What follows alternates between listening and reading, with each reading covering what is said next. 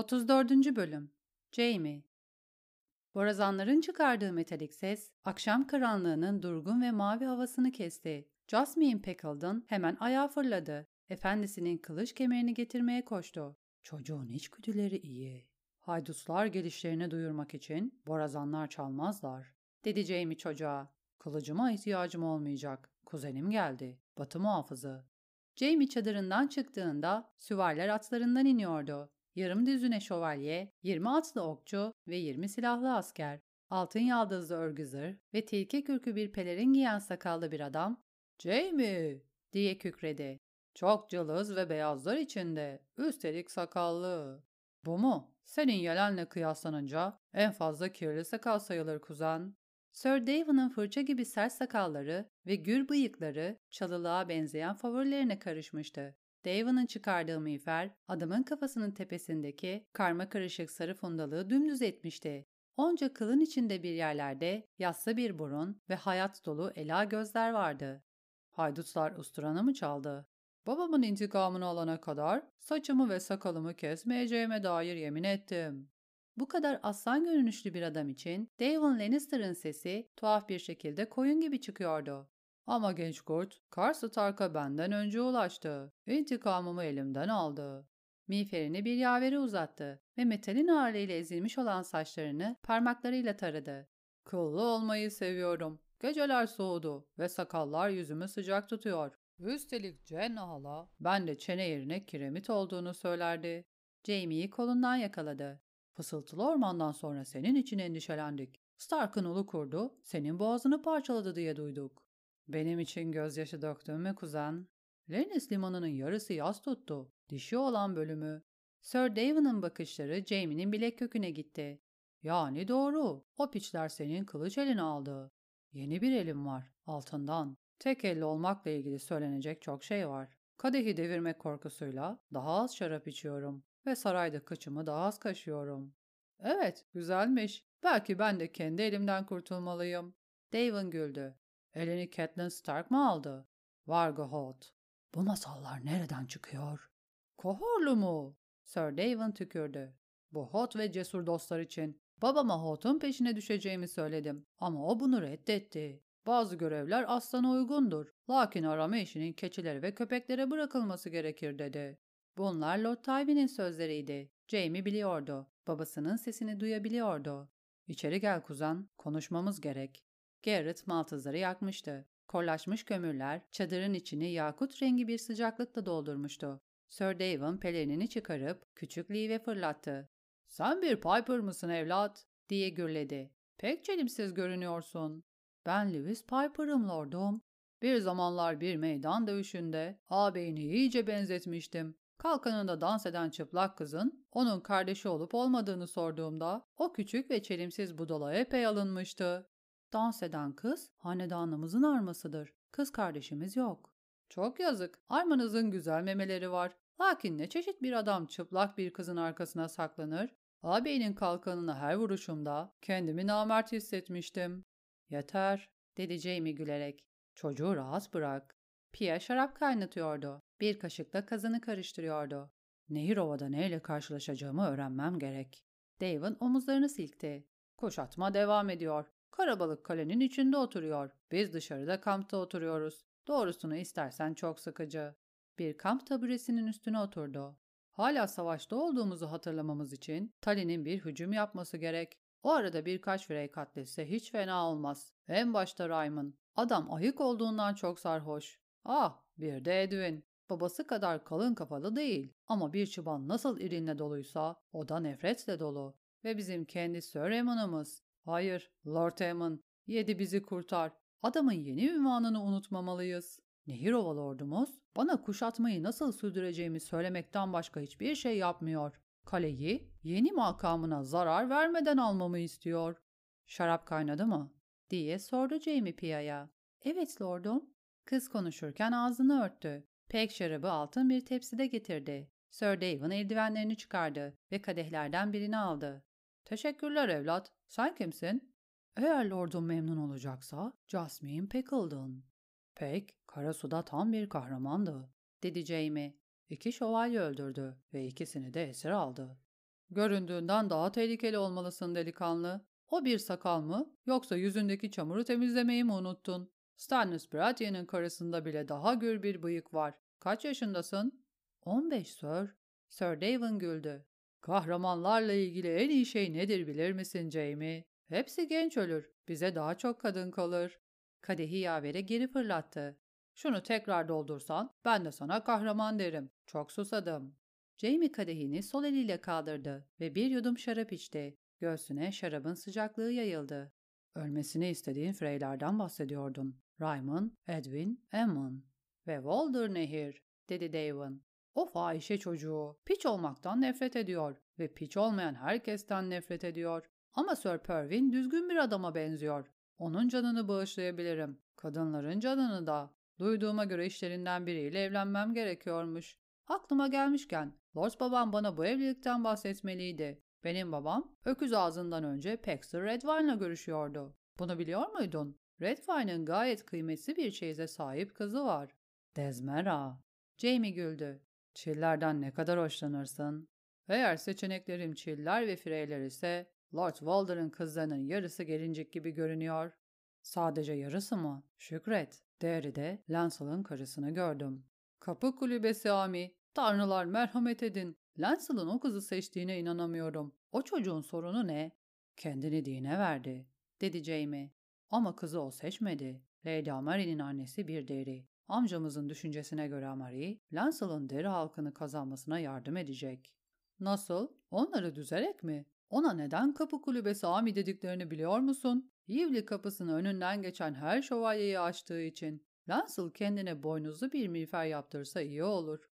Buna gerek kalmayacak. Kuzenimiz kral topraklarına gidiyor. Yüce rahibin kılıçlarından biri olmak için yemin etmeye. Eğer Jamie, Lancel'ın bir oyuncunun maymunu olmaya karar verdiğini söyleseydi, Sir Davin bundan daha şaşkın görünemezdi. Ciddi değilsin. Benimle dalga geçiyorsun. Eğer çocuğu bunu yapmaya yönelttiyse, kapı kulübesi Ami duyduğumdan da çirkin olmalı. Jamie, Lady Amani'nin yanından ayrıldığında kız bir yandan biten evliliği için ağlıyor, bir yandan da Lyle Crackle'un onu teselli etmesine izin veriyordu. Kızın gözyaşları, avluda bekleyen akrabalarının yüzlerindeki sert ifadeler kadar endişe verici değildi. Umarım sen de yemin etmeye niyetli değilsindir kuzen, dedi Jamie. Freyler, evlilik anlaşmaları ile ilgili konularda asabi oluyorlar. Ben olsam onları tekrar hayal kırıklığına uğratmak istemezdim. Sir Davin güldü. Endişelenme, ben kendi gelinciğimle evleneceğim ve yatağa gireceğim. Rob Stark'a neler olduğunu biliyorum. Lakin Edwin'in anlattıklarından anladığım kadarıyla henüz çiçek açmamış kızlardan birini seçmeliyim. Aksi takdirde Kara Walder'ın kıza benden önce uğradığını öğrenebilirim. Bahse girerim ki kapı kulübesi amiyle de yatmıştır. Hem de birçok kez. Belki de Lancel'ın dindarlığının ve Kevin amcanın ruh halinin sebebi budur. Sir Kevin'i gördün mü? Evet, batıya giderken buradan geçti. Kaleyi almamıza yardım etmesini istedim. Ama umursamadı. Burada olduğu bütün zaman boyunca kara kara düşündü. Yeterince nazikti ama soğuktu. Batı muhafızı olmayı asla istemediğime dair yemin ettim ve bu onurun ona bahşedilmesi gerektiğini söyledim. Bana karşı kim beslemediğini beyan etti. Ama bunu sesinin tonundan anlamak mümkün değildi. Burada üç gün kaldı ve benimle üç kelime konuşmadı. Keşke gitmeseydi. Onun önerilerinden faydalanabilirdim. Frey dostlarımız Sir Kevin'i sinirlendirmeye cesaret edemezdi. Beni sürekli sinirlendiriyorlar. Anlat, dedi Jamie. Anlatayım ama nereden başlayayım?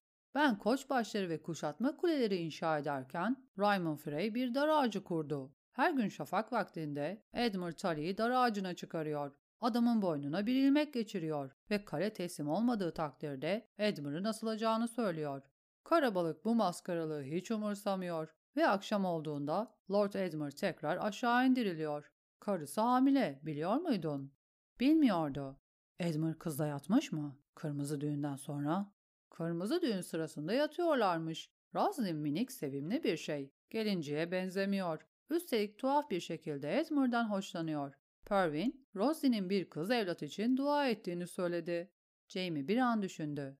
Edmund'un bir oğlu olduğu anda Lord Walder'ın Edmund'a ihtiyacı kalmayacak.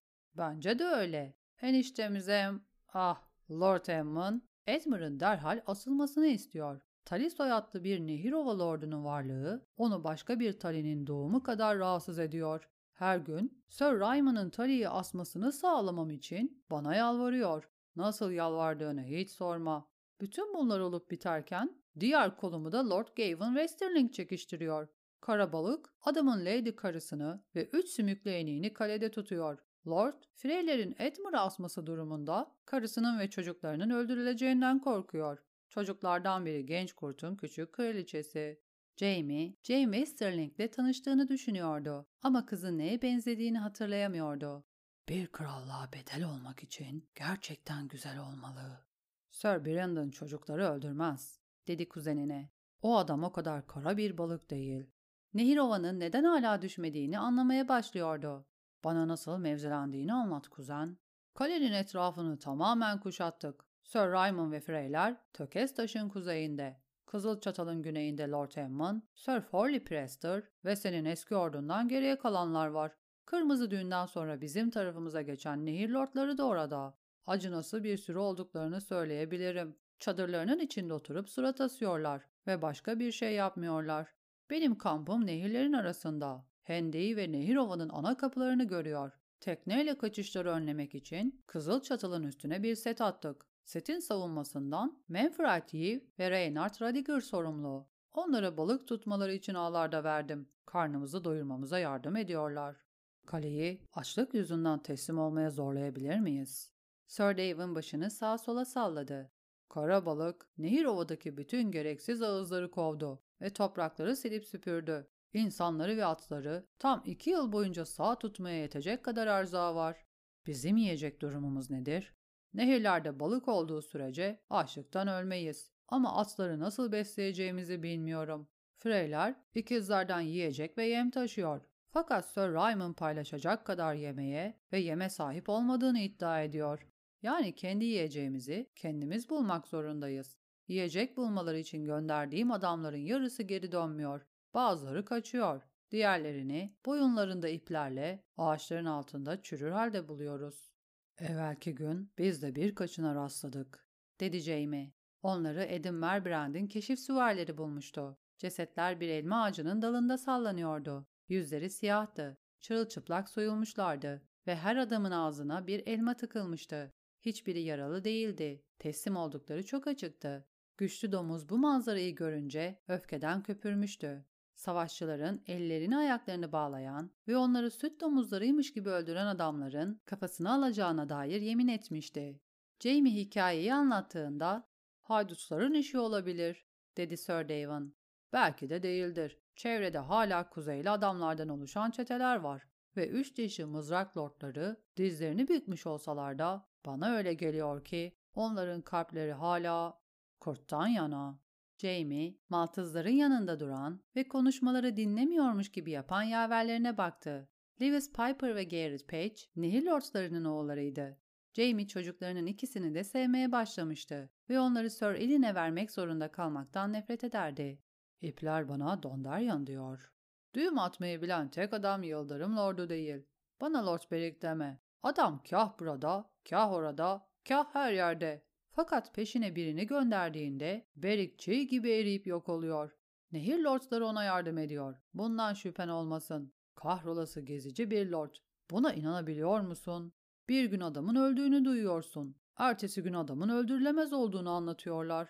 Sir Davin şarap kadehini yere bıraktı. Keşifçilerim geceleri yüksek yerlerde ateşler gördüklerini rapor ediyor. İşaret ateşleri olduğunu düşünüyorlar. Çevremizde gözcülerden oluşmuş bir halka var sanki. Köylerde de ateşler yanıyor. Yeni bir tanrı. Hayır, eski bir tanrı. Toros, Dondarrion'la birlikte. Eskiden Robert'ın içki arkadaşı olan şişman Mirlı rahip.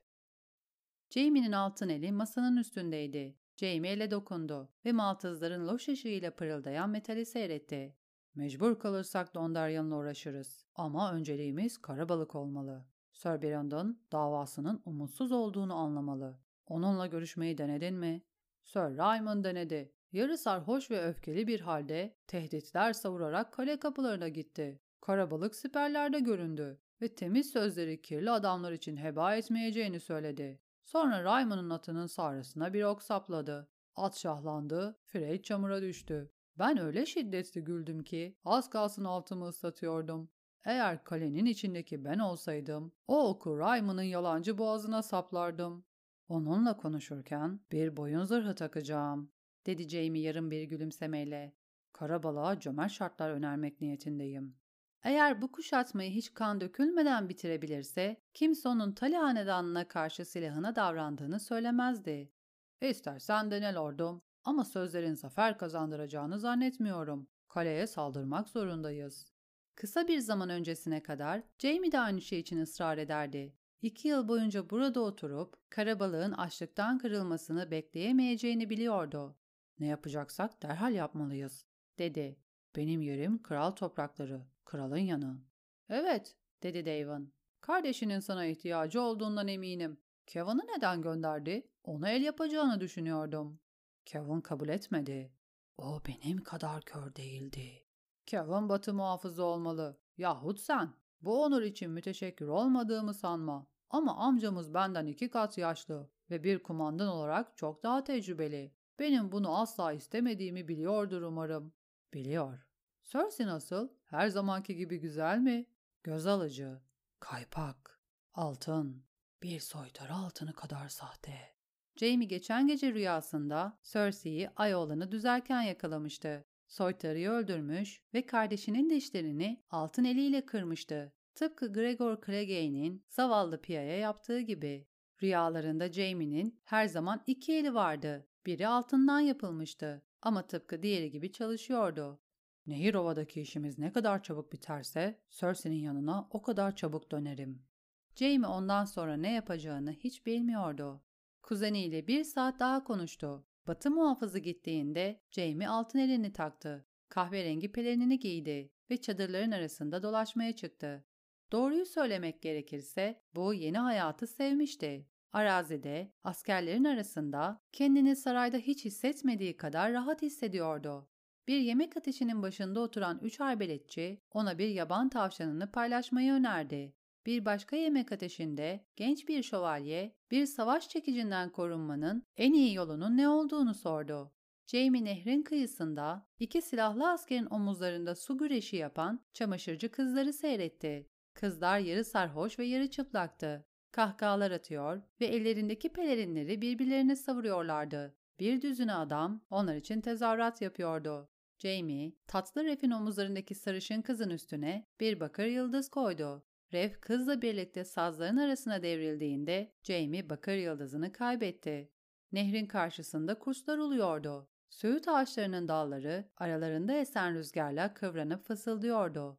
Jamie, Sir Ilin'i çadırının dışında tek başına otururken buldu. Adam bir bileği taşıyla büyük kılıcını biliyordu. Jamie gel dedi ve sessiz şövalye hafifçe gülümseyerek ayağa kalktı. Bundan keyif alıyor diye fark etti Jamie. Beni öldürmek ona daha büyük bir keyif verir. Kılıç kullanmakta iyiye gittiğine inanmaktan hoşlanıyordu. Ama ilerleme ağırdı ve bedeli vardı. Çeliğin, yünün ve kaynatılmış derinin altındaki Jaime Lannister, kesiklerden, yara kabuklarından ve morluklardan bir duvar halısıydı. Jaime ve Sir Ilyn kampın dışına çıkarken bir devriye onlara parola sordu. Jaime adamın koluna altın eliyle vurdu. Dikkatli ol, etrafta kurslar var. Kızıl çatalın aşağısına doğru az sürdüler ve o gün öğle vakti önünden geçtikleri yanık köyün yıkıntılarına gittiler. Gece danslarını orada kararmış taşların ve soğumuş gözlerin arasında yaptılar. Üstünlük bir süre için Jamie'deydi. Belki de eski maharetleri ona geri dönüyordu. Belki de bu gece morarmış ve kanlı bir halde uyuyan Sir Elin olurdu. Sir Elin, Jamie'nin düşüncelerini duymuş gibiydi. Onun son darbesini tembel bir savunma ile bertaraf etti ve Jamie'yi nehrin içine iten bir karşı atak yaptı. Çamur, Jamie'nin çizmesini ayağından çıkardı. Jamie dizlerinin üstüne düştü. Boğazında sessiz şövalyenin kılıcı vardı. Kendi kılıcı sazların arasında kaybolmuştu. Payne'in yüzündeki çiçek hastalığı izleri ay ışığında kraterler kadar büyük görünüyordu. Adam yine oğlak sesini çıkardı ve kılıcını yukarı doğru hareket ettirdi. Kılıç Jamie'nin dudaklarının arasında durdu. Ilin ancak o zaman geri çekildi ve çeliğini kınına soktu. Jamie altın elindeki çamuru temizlerken Omuzlarımın üstüne bir fahişe alıp tatlı refe meydan okusaydım daha iyi ederdim diye düşündü. Bir yanı altın eli olduğu yerden söküp nehre fırlatmak istiyordu. El hiçbir işe yaramıyordu ve sol elde daha iyi değildi. Sörel'in atların yanına döndü. Jamie'yi kendi başına ayağa kalkması için yalnız bıraktı. En azından iki ayağım var. Yolculuğun son günü soğuk ve rüzgarlıydı. Rüzgar, çıplak ağaçların dallarını takırdatıyor ve Kızılçatal'ın kıyısındaki sazlıkların boynunu büküyordu. Kuzeni Damon'ın yanında at süren Jamie, kral muhafızlarının kışlık ürünlerini giymiş olmasına rağmen teninde rüzgarın çelik dişlerini hissedebiliyordu. Tökez taşın Kızıl Çatal'la birleştiği dar noktada yükselen nehir ovayı gördüklerinde akşamüstü olmuştu. Tali Kalesi, Pruvas'ını nehrin aşağısına doğru çevirmiş, muazzam bir taş gemiye benziyordu. Kalenin kum taşından örülmüş duvarları kırmızı ve altın renkli ışıklarla boyanmıştı. Duvarlar Jamie'nin hatırladığından daha yüksek ve daha kalın görünüyordu. Bu ceviz kolay kırılmayacak diye düşündü Jamie. Eğer karabalık onu dinlemezse Jamie'nin Lady Catherine verdiği yemini bozmaktan başka seçeneği kalmayacaktı. Kralına verdiği yemin daha önce geliyordu. Nehrin üstündeki set ve kuşatmacı ordunun üç büyük kampı tam olarak Daven'ın tarif ettiği gibiydi. Sir Ryman'ın kuzeyde kurduğu kamp en büyük ve en nizamsız kamptı. Çadırların üzerinde bir mancınık kadar uzun, devasa bir dar ağacı yükseliyordu. Dar ağacının üstünde tek başına bir suret duruyordu. Boynunda ip vardı. Edmure Tully. Jamie keskin bir acıma duygusu hissetti. Onu her gün boynuna bir ip dolayıp oraya dikmek. Kafasını kesip bu işi bitirmek daha iyi. Dar ağacının arkasında çadırlar ve yemek ateşleri perişan bir düzensizlikle araziye yayılmıştı. Frey lordları ve şövalyeleri çadırlarını tuvalet çukurlarının yukarısında rahatça yükseltmişti. Aşağısı çamurlu barakalardan ve öküz arabalarından ibaretti. Sir Raymond bu delikanlıların sıkılmasını istemiyor. Bu yüzden onlara fahişe, horoz dövüşü ve domuz dövüşü veriyor, dedi Sir Davin. Kendine kahrolası bir şarkıcı bile tuttu. Halamız Lennis limanından beyaz gülüşlü Watt'ı getirince Raymond da ondan aşağı kalmayıp bir şarkıcı buldu. Nehri kesip bir baraj oluştursak ve bu adamların hepsini yükselen suyun içinde boğsak olmaz mı kuzen?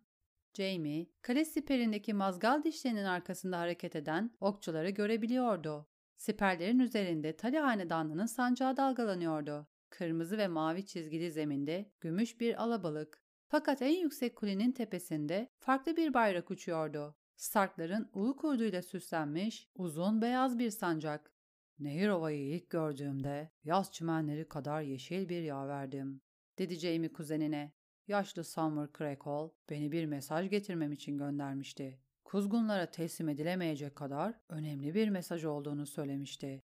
Lord Hoster vereceği cevabı düşünürken beni 15 gün boyunca burada tutmuş ve her yemekte Kızılarsa'nın yanına oturtmuştu.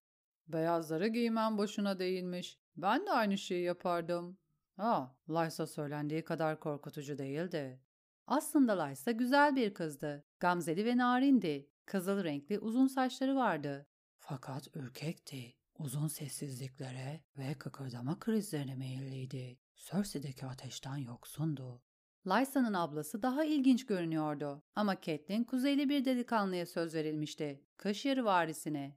Fakat o yaşta Jaime'yi ilgilendiren şey kızlar değil Hastar'ın meşhur kardeşiydi. Şöhretini basamak taşında 9 metrelik krallarıyla dövüşerek kazanmış olan Brandon Tully. Jaime, Sir Brandon'ı canavar Miles ve Abonos Prens'le ilgili hikayeler anlatması için sıkıştırmış ve zavallı Lysa'yı sürekli görmezden gelmişti. Sir Brandon benim şimdiki yaşımdan daha gençti diye düşündü Jamie.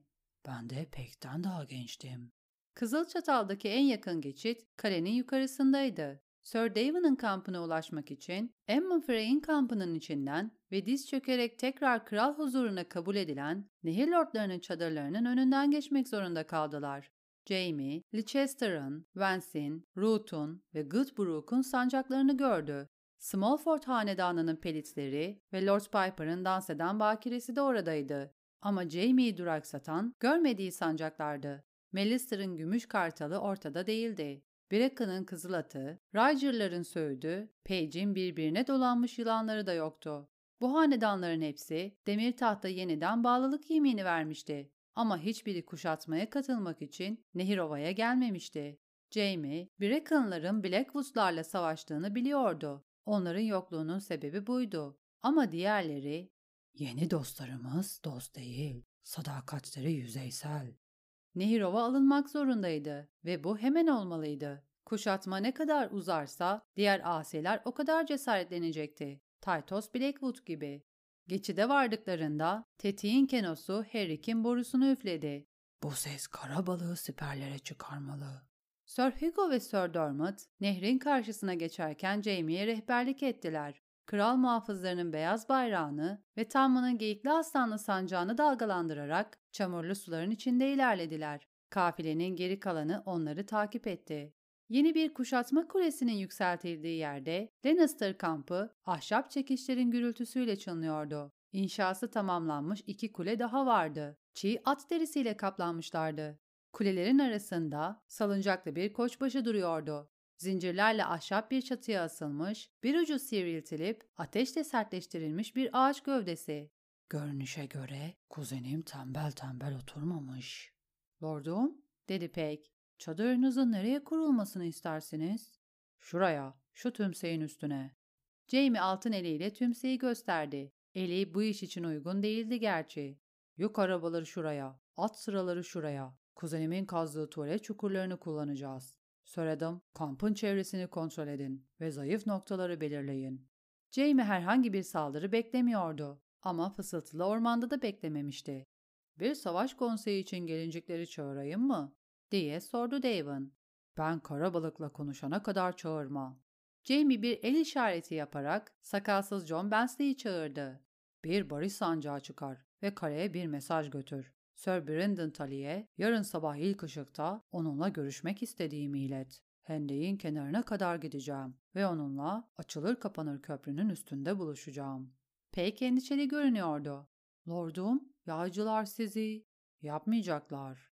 Jamie atından indi. Çadırımı kurun ve sancaklarımı dikin. Ve kimin ne kadar çabuk geleceğini görelim. Çok zaman geçmesi gerekmedi. Pia maltızın içindeki kömürleri yakmaya çalışıyordu. Peg kıza yardım etmeye gitti. Jamie son zamanlarda çadırın bir köşesinde düzüşen Peg ile Pia'nın seslerini dinleyerek uykuya dalıyordu. Garrett, Jamie'nin baldır zırhının kayışlarını çözerken çadırın kapısı açıldı. ''Sonunda geldin demek.'' diye gürledi Jamie'nin halası. Kapı boşluğunu tamamen doldurmuştu. Arkasında Frey kocası vardı. ''Geç bile kaldın. Yaşlı ve şişman alana sarılmayacak mısın?'' Kadın kollarını açtı ve Jamie'ye sarılmaktan başka bir şans bırakmadı. Jenna Lannister gençliğinde biçimli bir kadındı ve sürekli korsajlarından taşardı. Kadının şimdi sahip olduğu tek biçim kareydi. Yüzü geniş ve pürüzsüzdü. Boynu kalın ve pembe bir sütundu. Kalçası devasaydı. Jamie kadına vazifeşinas bir şekilde sarıldı ve kulağının çekilmesini bekledi. Halası, Jamie kendini bildi bileli onun kulağını çekerdi. Bugün aynı şeyi yapmadı. Kulağını çekmek yerine Jamie'nin yanağına yumuşak ve ıslak bir öpücük kondurdu. Kaybın için üzgünüm. Yeni bir el yaptırdım. Altından. Jamie kadına elini gösterdi. Çok güzel. Sana altın bir baba da yapacaklar mı? Lady Jenna'nın sesi sertti. Bahsettiğim kayıp Tywin'di.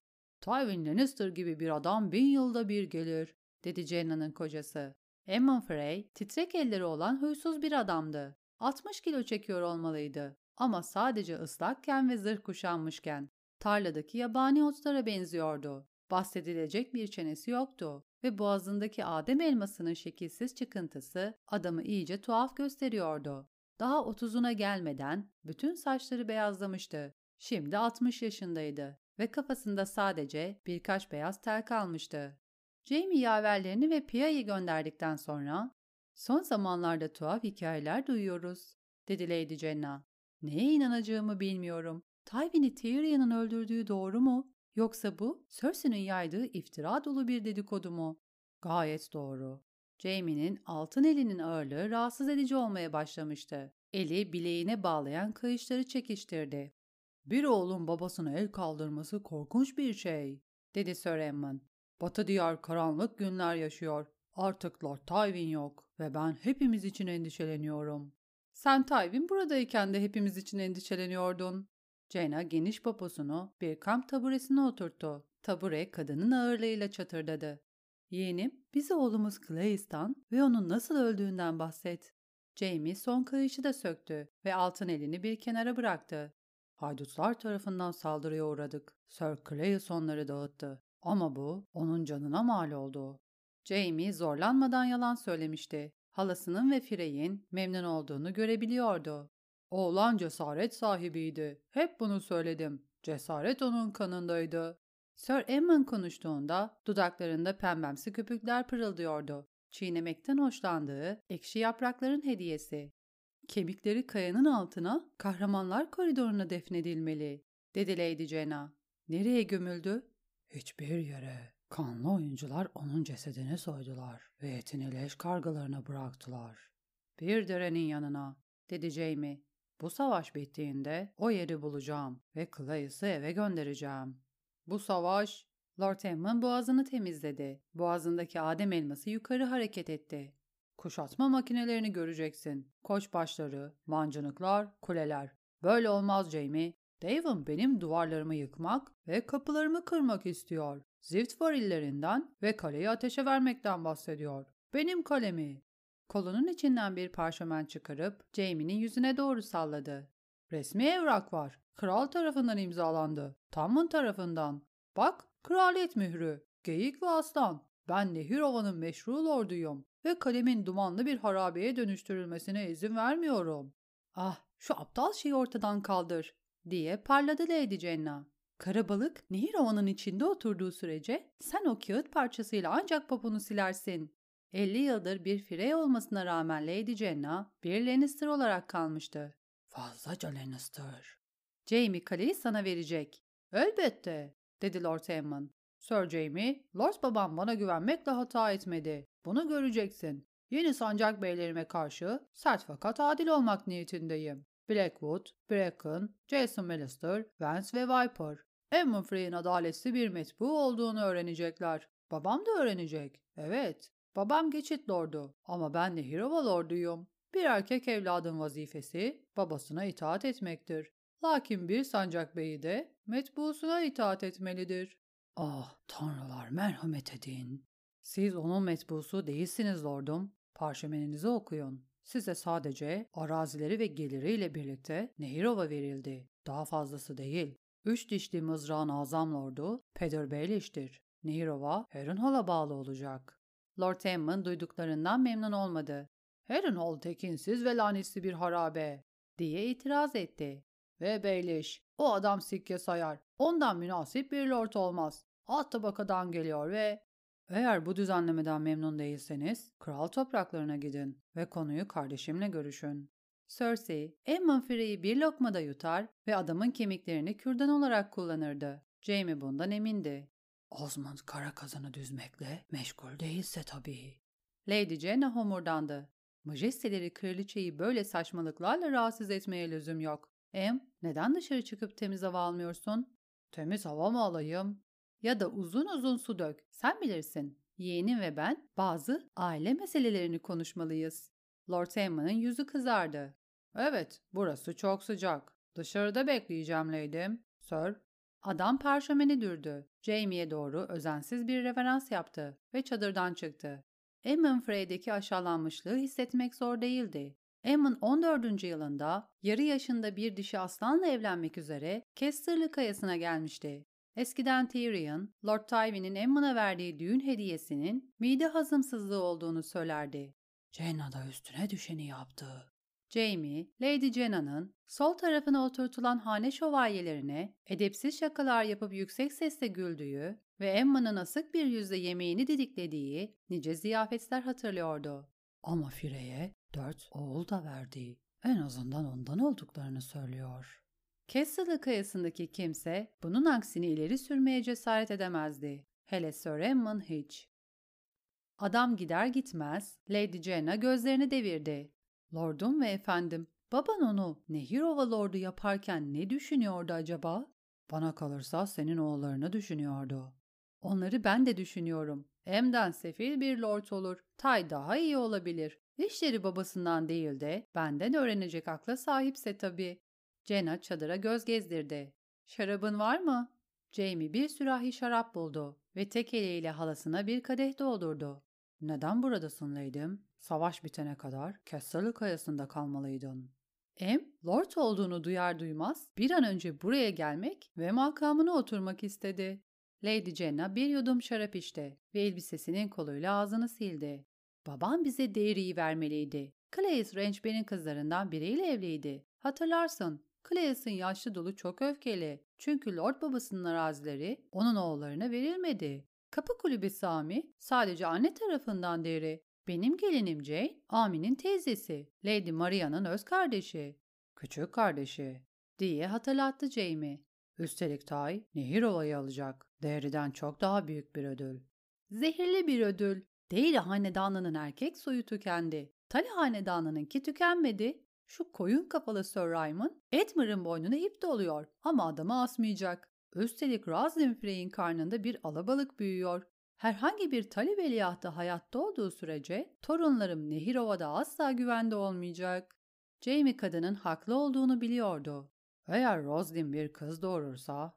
O kız Ty ile evlenebilir. Yaşlı Lord Walder'ın rızası olursa tabii. Bunu ben de düşündüm. Gel gör ki Roslyn'in bir erkek doğurması da muhtemel ve bebeğin minik pipisi meseleyi iyice bulandırır. Ve olur da Sir Brandon bu kuşatmadan sağ çıkarsa Nehir Ova'yı kendi adına talep edebilir ya da genç Robert Erin adına.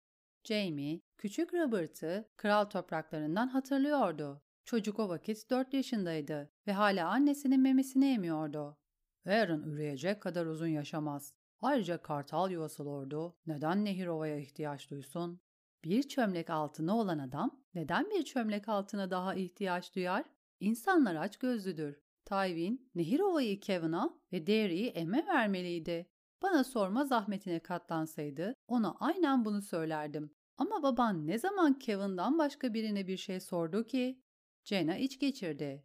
Oğluna daha güvenli bir makam almak istediği için Kevin'i suçlamıyorum. Onu çok iyi tanıyorum. Kevin'ın istediğiyle Lancel'ın istediği şeyler farklı, dedi Jamie. Lancel'ın kutsal inanç adına dövüşmek için karısından, arazilerinden ve lordsluk ünvanından feragat etmeye karar verdiğini anlattı. Eğer hala Derry'i istiyorsan Cersei'ye bir mektup yaz ve gerekçelerini anlat. Lady Jenna kadehini salladı. Hayır, o at avluyu çoktan terk etti. Emin o sivri kafasında nehir topraklarına hükmetmek var. Ve Lancel, sanırım bunun olacağını en baştan görmeliydik. Neticede yüce rahibi korumaya adanmış bir hayat, kralı korumaya adanmış bir hayattan çok farklı değil. Korkarım ki Kevin çok öfkelenecek. Sen beyazlar giymeye karar verdiğinde Tywin'in öfkelendiği gibi öfkelenecek. En azından Kevin'in hala bir vardisi var. Martin, kapı kulübesi Ami ile evlenip Lancel'ın yerini alabilir. Yedi hepimizi korusun. Jaina iç geçirdi. Yedi demişken Cersei inancın tekrar silahlanmasına neden izin verdi?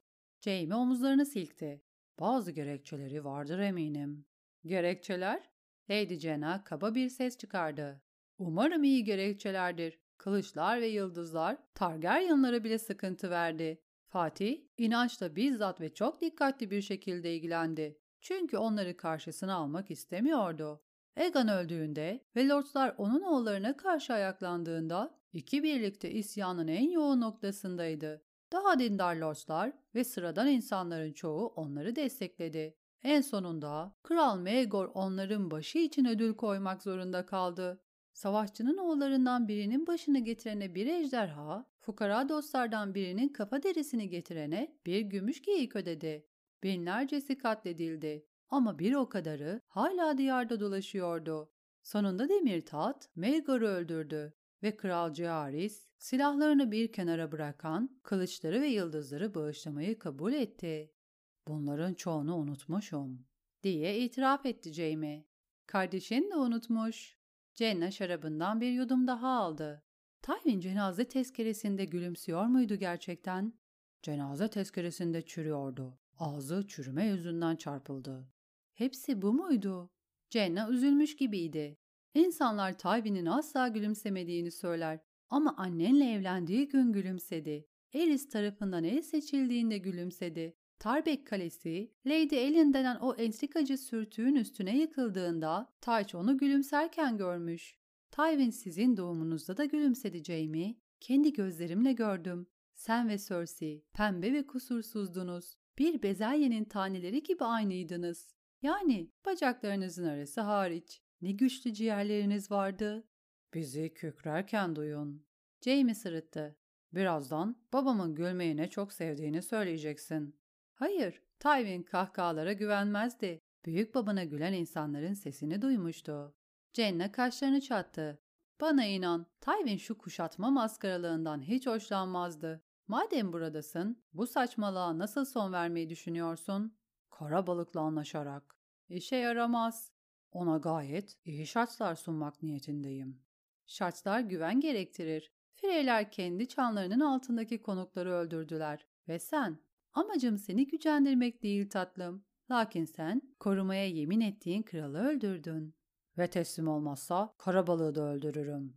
Jamie istediğinden daha sert bir ses tonuyla konuşmuştu. Ama Eris Targaryen meselesinin yüzüne vurulmasını kaldıracak durumda değildi.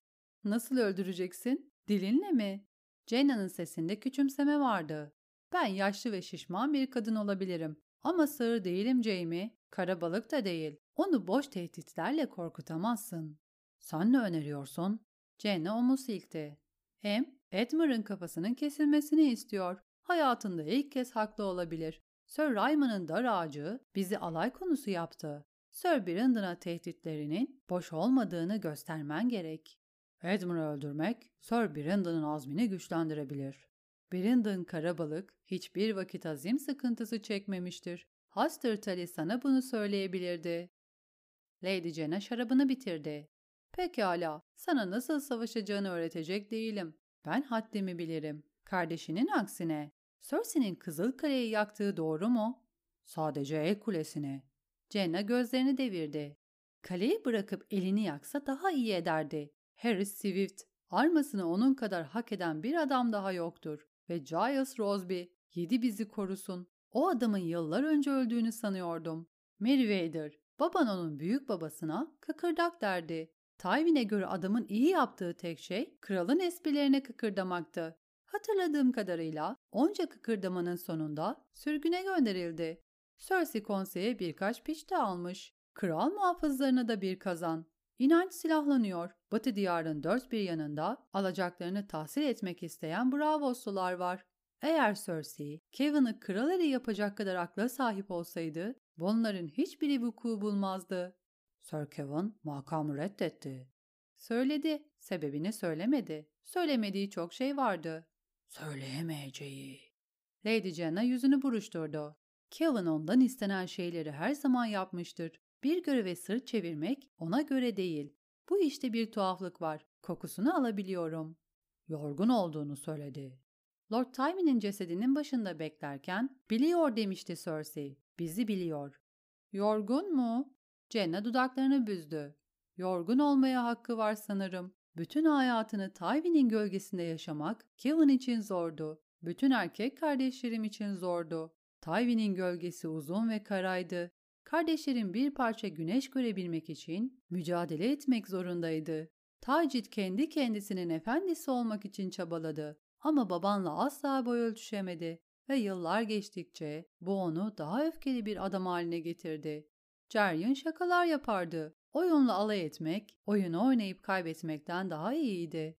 Fakat Kevin durumun ne olduğunu erken yaşında kavradı ve kendine Tywin'in yanında bir yer yaptı. Yasan diye sordu Jamie. Bu kızların oynayabileceği bir oyun değildi. Ben babamın kıymetli prensesiydim. Tywin'in de. Ta ki onu hayal kırıklığına uğratana kadar. Abim hayal kırıklığının tadını hiçbir zaman sevmedi. Jenna ayağa kalktı. İstediğim şeyleri söyledim. Daha fazla vaktini almayayım. Tywin'in yapacağı şeyi yap. Jamie kendini, onu sevdin mi? diye sorarken duydu. Jenna tuhaf bir şekilde Jamie'ye baktı. Walder Frey beni Em'le evlendirmek için Lord babamı ikna ettiğinde ben 7 yaşındaydım. Em, Lord'un ikinci oğlu, varisi bile değil. Babam, babasının üçüncü oğluydu ve küçük çocuklar büyüklerinin onayını alabilmek için çırpınırlar. Frey babamın bu zayıflığını sezdi. Babam da sadece onu memnun etmek için bu evliliğe onay verdi. Nişanım, Batı'nın yarısının hazır bulunduğu bir ziyafette duyuruldu. Alan Tarbek güldü ve Kızıl Aslan salonu öfkeyle terk etti. Diğerleri sessizce oturdu. Sadece Tywin bu evliliğe karşı çıkacak kadar cesurdu. 10 yaşında bir çocuk. Babamın yüzü kısrak sütü gibi beyazdı ve Walder Frey titriyordu. Gülümsedi. Bunun ardından onu sevmemem mümkün müydü? Yaptığı her şeyi onayladığımı ya da daha sonra dönüştüğü adamın dostluğundan keyif aldığımı söyleyemem ama her küçük kızın onu koruyacak bir büyük kardeşe ihtiyacı vardır. Tywin küçükken bile büyüktü. İç geçirdi. Şimdi bizi kim koruyacak? Jamie halasının yanağını öptü. Arkasında bir oğul bıraktı. Evet, bıraktı. Doğruyu söylemem gerekirse beni en çok korkutan şey bu. Bu tuhaf bir yorumdu. Korkacak ne var? Yeğeninin kulağını çekerek Jamie dedi Jenna. Tatlım, seni bebekliğinden beri tanıyorum. Jerian gibi gülümsüyor, Taç gibi dövüşüyorsun. Ama içinde bir parçada Kevin var. Aksi takdirde o beyaz pelerini giymezdin. Ama Tywin'in oğlu Tyrion, sen değilsin. Bunu bir keresinde babana da söyledim ve baban yarım yıl boyunca benimle konuşmadı. Erkekler büyük aptallardır. Bin yılda bir gelenler bile. 34. bölümün sonu